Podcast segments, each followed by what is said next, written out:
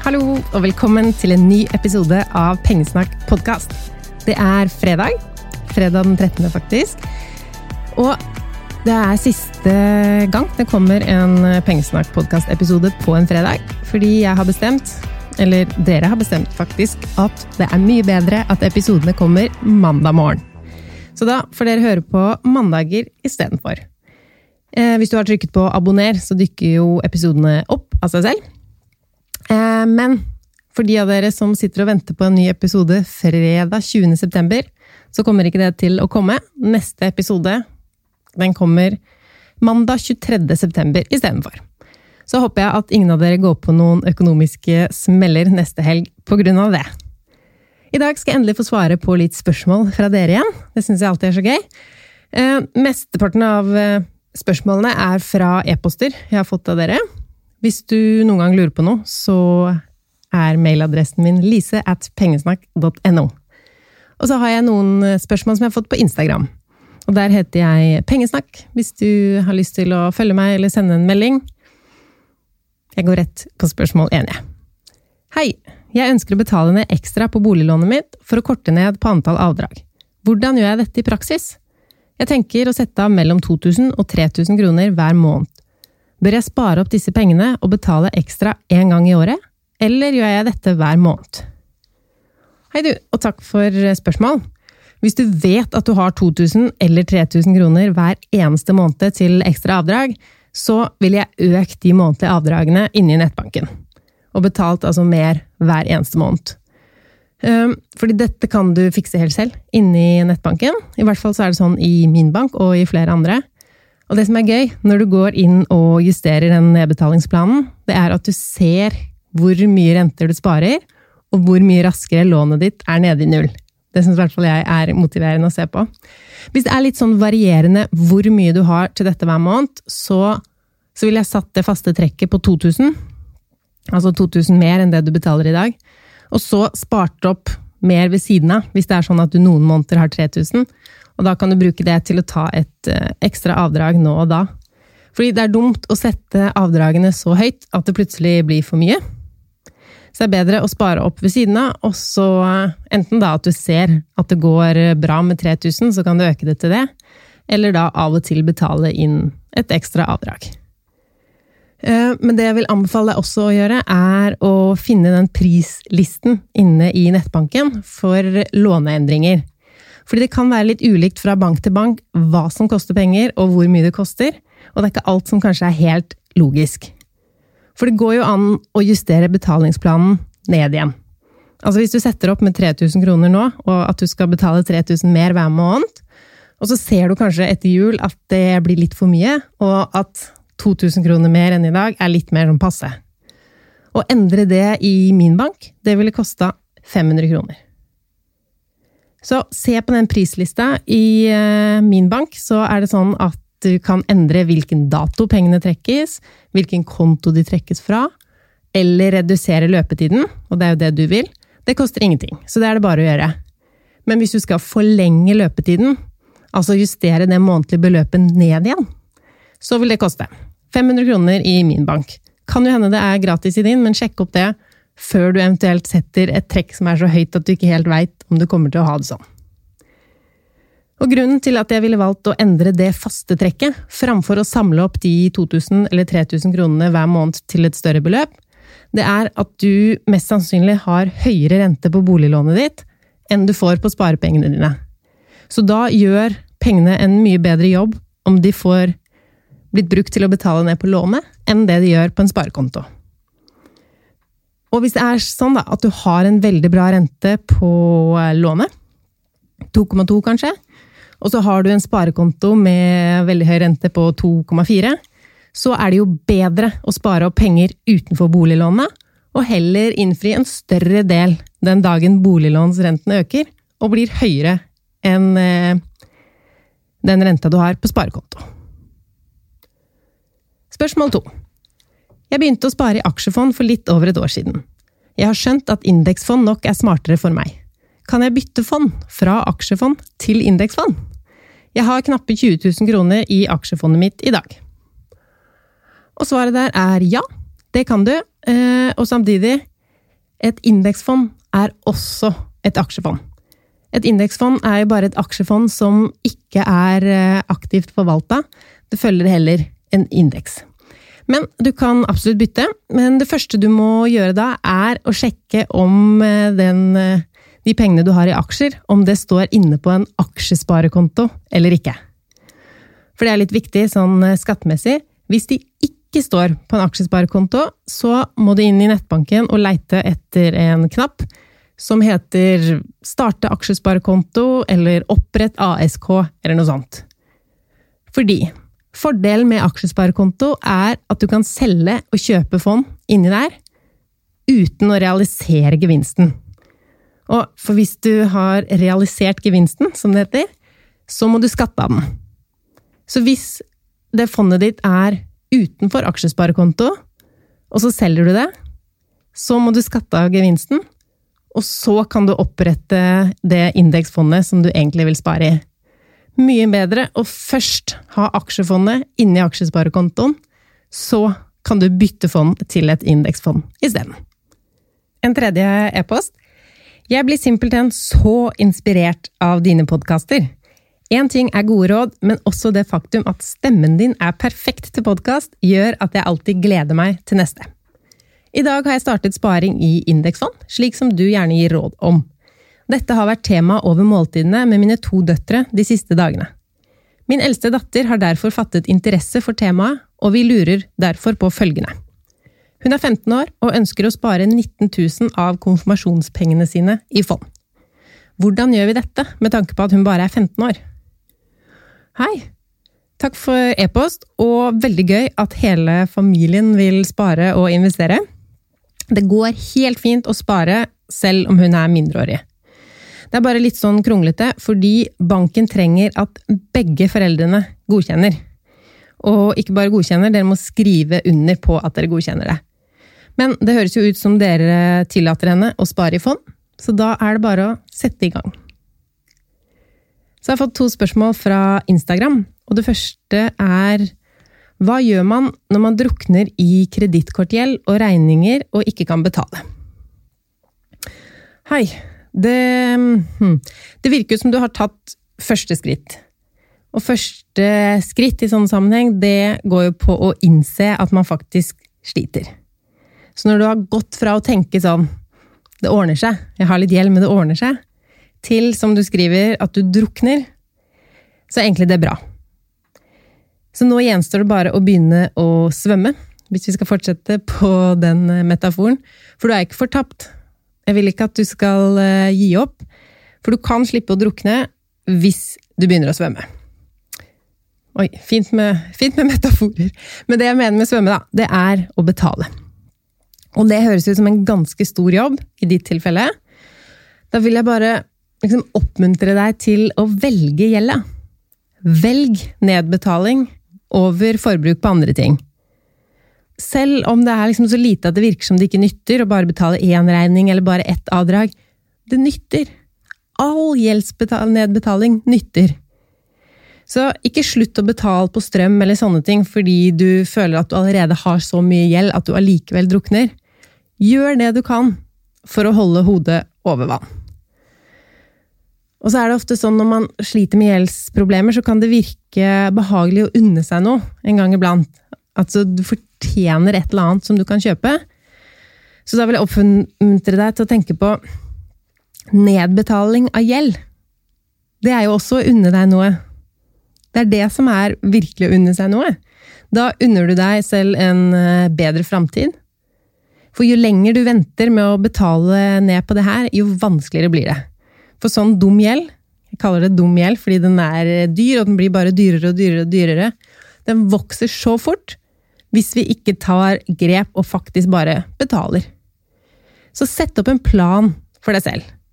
Fordi da kan du se når greier du å være i mål.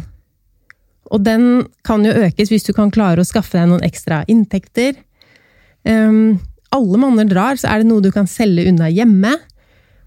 Gjør alt du kan nå for å prioritere denne gjelda. Fordi jeg syns du fortjener å bli kvitt hele gjelda, men da må du starte på den jobben det er å betale alt sammen. Så tenk på det, alle dere som har eh, liksom bare litt gjeld etter sommerferie nå. Litt gjeld blir fort mye gjeld når det er snakk om kredittkort, fordi de rentene er så sykt høye. Og til deg som sendte inn, og kanskje noen andre som hører på også. Hvis det virkelig er sånn at du drukner, ta kontakt med Nav. Nav har gjeldsrådgivere som kan hjelpe deg. Det vil jo fortsatt være du som må gjøre jobben, men da kan du få litt hjelp til å prioritere, og så kan du få hjelp til å vite hva du har rett på hvis du ikke har jobb eller faste inntekter. Masse lykke til! Jeg heier på alle som er i en slik situasjon, fordi jeg vet jo hvor deilig det er å ikke ha gjeld. Jeg vet hvor deilig det er å slippe å bekymre seg for alt som har med penger å gjøre. Og det er en følelse jeg unner alle andre å ha også. Den følelsen er liksom Den er verdt mer enn alt du kan kjøpe på penger. Så å betale ned dyr gjeld, det er faktisk det aller beste du kan bruke pengene dine på. Så er det en som har spurt meg kunne du sagt noe om hvordan være fornøyd med det man har, og ikke stadig ha behov for nye ting? Det kan jeg. Eh, dette temaet er jeg ganske opptatt av. Jeg tenker sånn Hvor Med å kjøpe ting, da. Hvor lykkelig blir vi hvis vi stadig driver og kjøper ting? Eller bare det å stadig ønske oss ting. Hvis vi alltid tenker 'Å, jeg ønsker meg det, jeg ønsker meg det, jeg ønsker meg det', hvor lykkelig blir vi da? Hvis vi heller kan stille oss det spørsmålet, som jeg også er veldig opptatt av, hvor mye er nok? Hvor mye trenger jeg egentlig? Bare Det er jo ikke sånn at jo mer man har, jo lykkeligere blir man. Faktisk så er det jo nesten omvendt. I hvert fall så er det sånn eh, for meg at jo mer ting jeg har, jo mer stressa blir jeg, jo mer må jeg rydde og ordne med. Jeg er jo ikke minimalist på alle områder i livet. Det, det så i hvert fall ikke sånn ut da jeg dreiv og flytta. Men mindre er bedre. Man trenger ikke dobbelt opp av ting eller tre like. og Det tar bare tid å rydde i alle sakene. Det tar energi å ha så masse ting og føle at det er uh, uorden. Og så tar det jo tid og energi å stadig skulle ønske seg ting, handle ting. Bare egentlig rett og slett bestemme seg. Nok er nok, og jeg har nok, og jeg har det bra med det jeg allerede har. Jeg tror det handler veldig mye om eh, innstilling. Bare fortelle seg selv at 'jeg har nok'. Det har jeg fortalt meg, og jeg er liksom Jeg er ganske enig med meg selv i at jeg har nok. Kanskje heller at jeg har for mye. Eh, jeg har nok klær. Det skal jeg lage en episode til om. Det er så mange av dere som vil vite enda mer om det med kapsgarderobe. Jeg hadde jo med hele garderoben min på God morgen Norge i forrige uke. Så det er veldig gøy at det, um, det å bruke det man allerede har, også får tid på TV-skjermen. Det er jo veldig mye liksom, 'dette må du ha i høstgarderoben', 'høstens farger', 'kjøp, kjøp'. Og det er jo jeg ganske imot. Så det å heller bruke det man har. For det er veldig mange av oss som har veldig mye.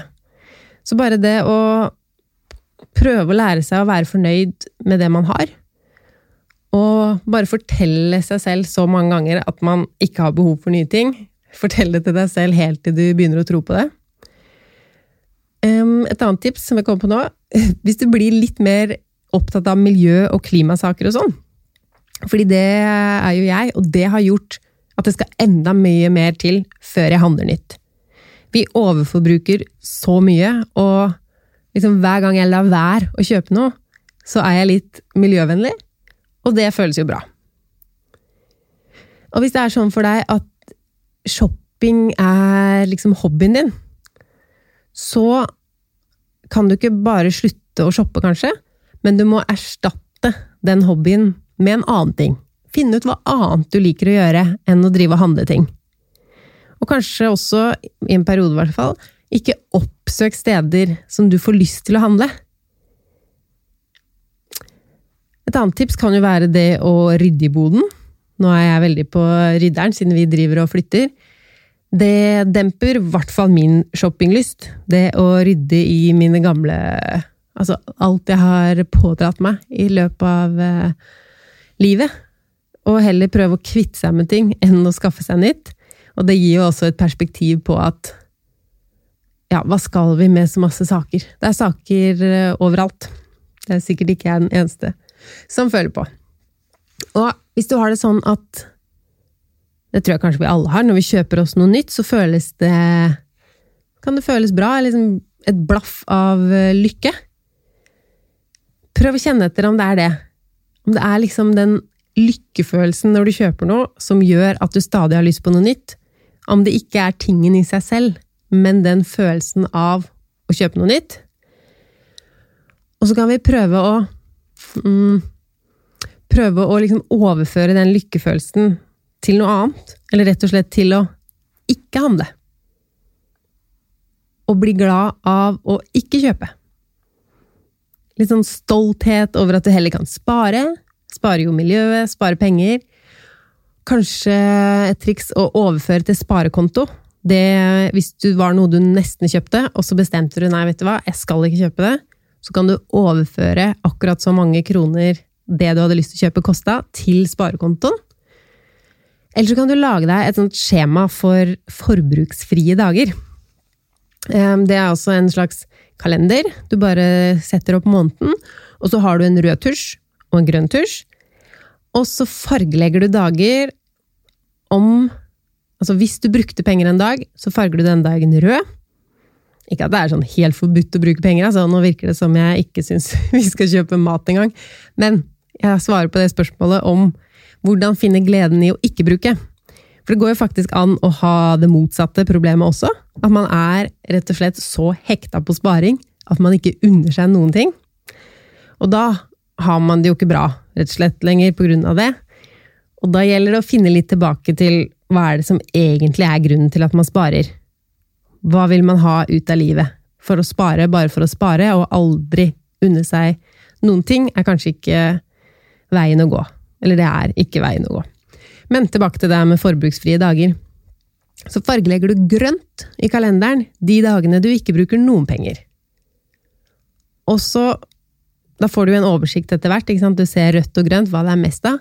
Men det jeg også vil du skal gjøre, er hver dag hvor du fargelegger grønt. Prøv å kjenne etter. Hvordan føles det de dagene du ikke bruker penger?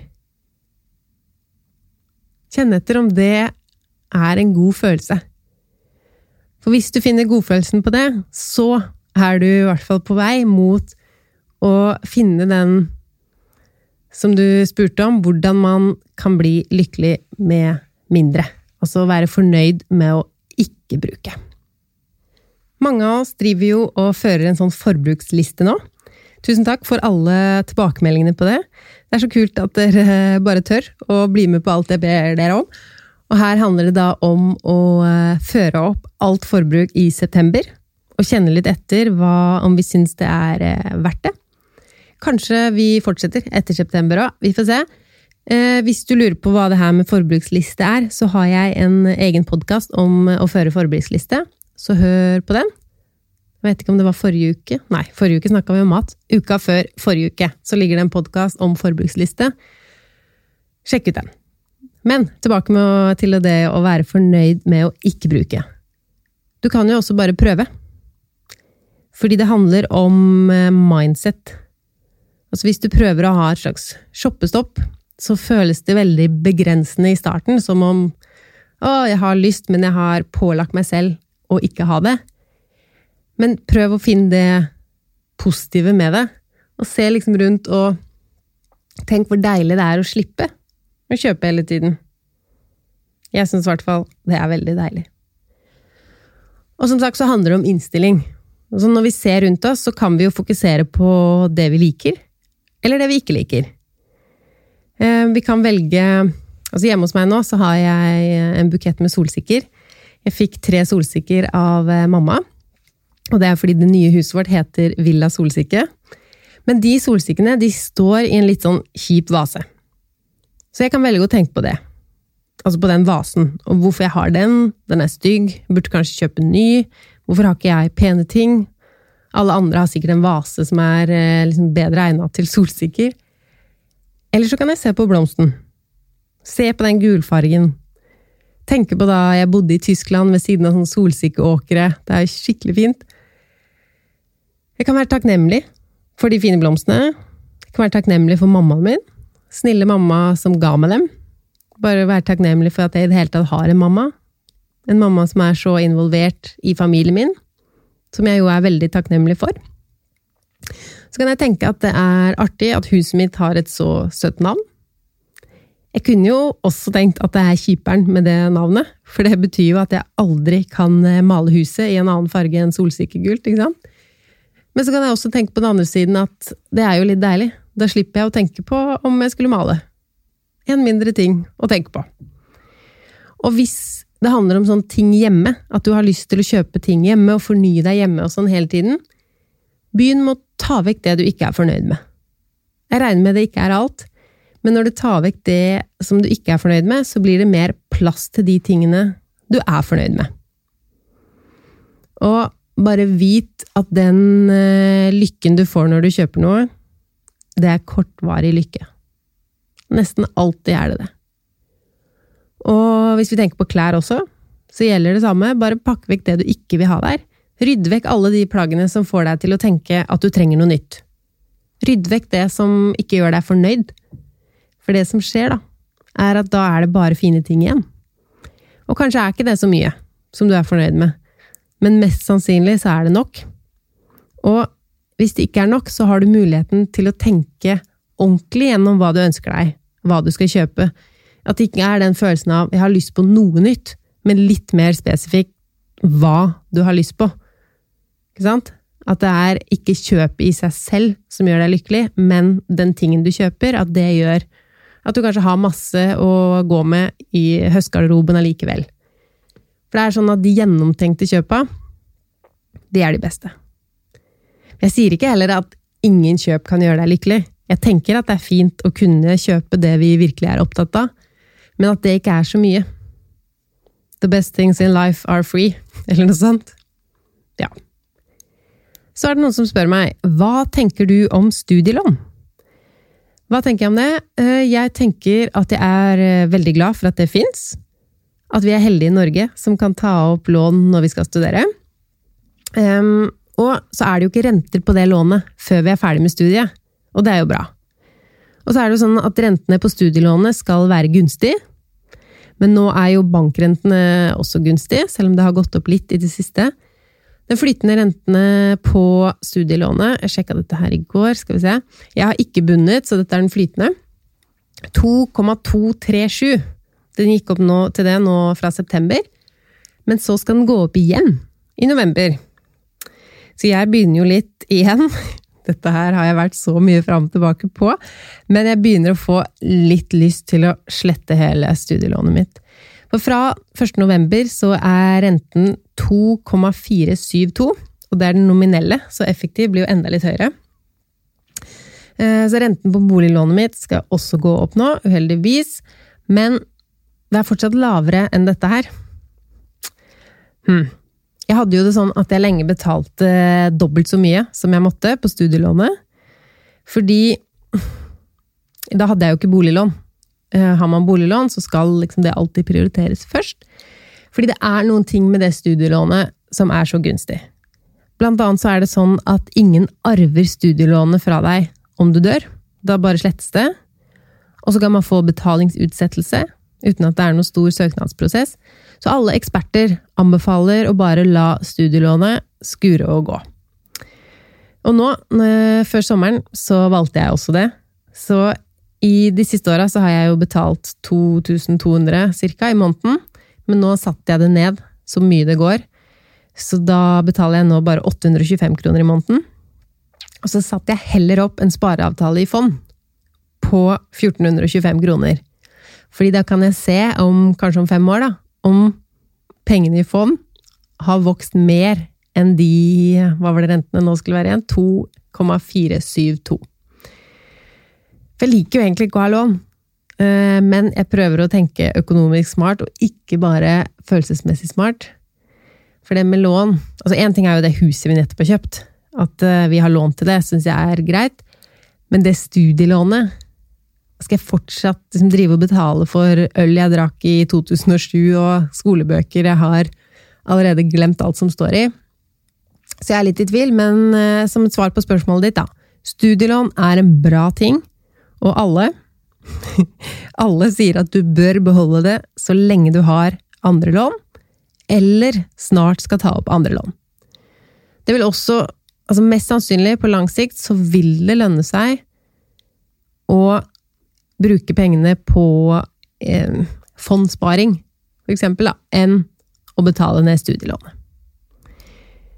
Hvis du ikke ønsker å ha pengene i fond, så blir matta litt enklere, for da slipper man å liksom ta noe risiko med pengene. Da kan du bare sammenligne renter. Hvis du har en sparekonto med renter på 1% og så lurer du på om du skal bruke sparepengene dine på å betale ned studielånet eller ikke, så er det ikke noe grunn til å ha lån bare for å ha lån. Det koster jo penger å ha studielånet med de rentene som er. Uh, og så tenker mange, eller mange har hørt at det er så bra å ha litt lån, fordi vi kan jo trekke av noen av rentene på skatten. Men selv om du kan trekke av noen av rentene på skatten, så betaler du jo størstedelen av rentene selv, og det er aldri dumt å betale tilbake penger du har lånt. Så for å si det sånn enkelt, da. Hvis du lurer på om du skal sløse vekk pengene, eller betale ned på studielånet, så velger du studielånet. Hvis du lurer på om du skal investere pengene, eller betale ned på studielånet, så vil det nok mest sannsynlig på lang sikt lønne seg å investere dem. Men jeg er jo litt sånn at alle de her pengegreiene, så handler det om følelser. Og personlig så er jeg litt lei av å skylde penger til Lånekassen. Jeg syns det er på tide at jeg betaler dem tilbake. Men jeg skal prøve å holde meg kanskje et år til. Fordi det er fint jeg har, eh, Lånet mitt er vel på 100 000? 120 000. Det er fint for meg å ha litt buffer, nå som jeg eh, har slutta på jobben og ikke får noe lønn lenger. Altså fra annet enn de tingene jeg gjør eh, med pengesnakk. Men det er jo litt sånn uforutsigbart og varierende. Og så har vi jo kjøpt oss et hus, og det kan gi oss eh, noen uventa kostnader som eh, Ja. Så jeg tror jeg skal beholde bufferkontoen på bufferkonto, og ikke prioritere studielånet helt ennå. Ja, er det ikke fint at alltid når dere lurer på noe, så begynner jeg å prate om meg selv? Ja. Poenget nå, da. Hvis du bestemmer deg for at du vil bli kvitt studielånet, for det er lov, selv om det lånet skal være så gunstig og bra, så koster det penger å ha det. Så ja, hvis du skal betale ned istedenfor å ha penger på sparekonto, så må du huske å også ha en buffer. Ikke tøm hele sparekontoen og slett lånet. Ha noen kroner igjen til uforutsette utgifter før du betaler ned lån. Så jeg har fått ett spørsmål til om eh, studielån. Hei, jeg er student og har tatt opp fullt studielån. I utgangspunktet er det ikke nødvendig, da jeg verken betaler leie eller skolepenger. Til nå står ca. 150 000 fra Lånekassen urørt på en sparekonto, og jeg planlegger å ta opp fullt studielån de neste tre årene også. Planen min var å la de stå noen år for å få renter på de, og så betale ned på lånet når den tid kommer. Etter å ha hørt på podkasten din, skjønner jeg at ideen min om å ha pengene på sparekonto kanskje ikke er så lurt, og at jeg kanskje heller burde investere de. Kan du komme med noen råd angående dette? Lurer også på om det er lurt å betale ned lånet i det hele tatt, da studielån ofte er mer gunstig enn for eksempel boliglån. Jeg foretrekker å være anonym. Ja, alle er anonyme her på alle spørsmål, men det er gode tanker du har, og fine spørsmål, så jeg ville ikke tenkt at dette var noe å være anonym for. Altså, jeg syns jo at alle burde tenke litt mer på penger, sånn som du gjør. Nesten alle, da. Og at vi burde prate litt mer åpent om det. Kanskje har du noen i klassen som burde ha gjort det samme som deg, men som ikke har kommet på det selv. Så ved å prate litt mer om sånne ting, så kan vi hjelpe hverandre. Det er eksempel bare fint hvis det er en i vennegjengen som tar opp det spørsmålet med boliglånsrente. Hvordan er det med boliglånsrentene deres, egentlig? For jeg fikk beskjed om at mitt går opp nå, eh, og kan spørre liksom vennene sine hva, hva syns dere, eller om det samme har skjedd med deres lån, da. Fordi Norges Bank holdt jo styringsrenta uendret ved siste rentemøte. Og hvis noen begynner sånn, og alle andre blir helt sånn stille, så er det egentlig et bra tegn. Fordi det betyr at de ikke har fulgt med på sin egenrente, eh, men ved at du er den i vennegjengen som tar det opp, så minner du dem på det, og får kanskje gjort at vennene dine sparer mye penger, eller at du får et svar på spørsmålet som gjør at du sparer penger. Så jeg tror vi må slutte å tenke at vi er smålige hvis vi bryr oss om vår egen økonomi. Det er faktisk veldig smart å tenke på å bry seg om sin egen økonomi. Men til spørsmålet ditt. Eh, det handler om én ting. Er du villig til å utsette disse pengene for risiko? For det er sant som du sier, at mest sannsynlig vil pengene dine være mer verdt om tre år hvis du putter dem i fond. Men det er nesten like sannsynlig at de har samme verdi om tre år, eller at de har negativ verdi. Fordi fondene kommer til å svinge masse. Og generelt sett så tenker jeg at man ikke skal investere, gamble eller noe sånt med lånte penger. Så det kan være greit at du heller følger den planen du har, og heller Jeg vet ikke, du sa du har pengene på sparekonto. Finn den sparekontoen i Norge som har aller høyest rente, og så har du de der, så får du maks ut av de uten å utsette de for risiko. For alternativet til sparekonto er jo at du investerer dem, men da må den planen din om å betale alt lånet den dagen du er ferdig på skolen, høyskolen eller universitet, den må være litt mer fleksibel. Fordi kanskje kommer det en lang børsnedgang. En som gjør at pengene dine ikke er verdt det du skylder før i 2028. Det er ingenting som tyder på det, altså, men jeg vil bare belyse risikoen for deg, fordi hvis du velger investering framfor sparekonto, så tar du en risiko. Og du skal kanskje kjøpe bolig etter hvert, og da er det jo greit å ikke ha en hel formue i aksjemarkedet som du ikke kan ta ut fordi det har gått litt ned, og du driver og venter på en børsoppgang. Og i tillegg så har du lånt alt sammen, så i tillegg har du jo lånet hos Lånekassa. Eh, så tanken din er lur, eh, men jeg personlig ville ikke gjort det. Jeg ville spart dem et sted du får over 2% rente, og så sett, sett litt når du er ferdig med skolen. Fordi hvis du da skal kjøpe deg bolig ganske med en gang, finne ut hva er boliglånsrenten, og kanskje bare rett og slett spørre banken skal du innbetale lånet ditt, eller bør du heller ta opp boliglånet ved siden av. Så den vurderingen kan du ta da, men da har du uansett pengene klare, enten da til egenkapital eller til nedbetaling av lån. Et siste spørsmål. Jeg lurte på om du kunne ta for deg studielån. Jeg har ofte fått høre at det er bra å ha studielån fordi det blant annet er så lave renter. Spørsmålet mitt er om det vil være mer lønnsomt å spare penger i for eksempel fond, fremfor å betale ned ekstra på studielånet. Yes, det har jeg vel i grunnen svart på. Mest sannsynlig vil det være mer lønnsomt å spare penger i fond, men det er en risiko som du ikke må ta hvis du heller velger å prioritere studielånet. Også det med rentene. Ja, det er lave renter, men boliglånsrentene er også lave. Så akkurat nå har jeg f.eks.